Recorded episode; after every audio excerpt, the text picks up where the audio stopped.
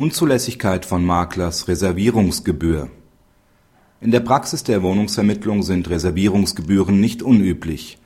Diese von Maklern meist formularmäßig ausbedungenen Entgelte unterliegen jedoch verbraucherschützenden Restriktionen.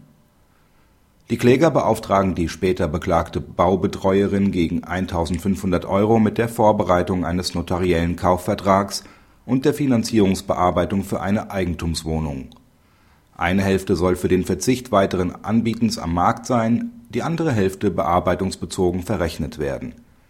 Als die Kläger sich umentscheiden, verlangen sie ihr Geld zurück, worauf die Beklagte aus Kulanz 750 Euro zahlt.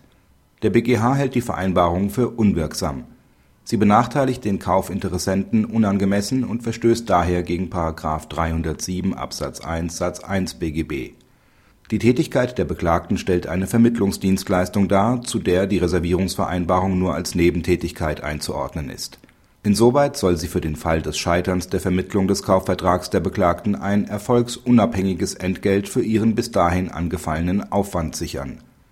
Dies kann nur gerechtfertigt sein, wenn die Reservierungsvereinbarung für den Kunden einen nennenswerten Nutzen hat.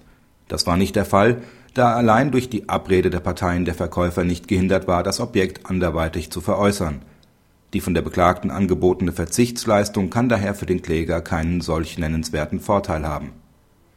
Praxishinweis Mit der Entscheidung, die sich auf ein Unternehmen bezog, das nicht typischerweise Maklerleistungen erbringt, dürfte der BGH nunmehr allgemein klargestellt haben, dass die ausschließlich durch einen Makler ohne Einbindung des Veräußerers bewirkten Reservierungen keinen nennenswerten Vorteil haben ob dies anders ist, wenn der Verkäufer der Reservierungsvereinbarung zustimmt, muss ebenso bezweifelt werden, weil dadurch aus Gründen der Absicherung des Interessenten immer noch nicht gewährleistet ist, dass ein anderweitiger Verkauf unterbleibt. Diese Sicherung lässt sich in der Regel nur über eine Auflassungsvormerkung erreichen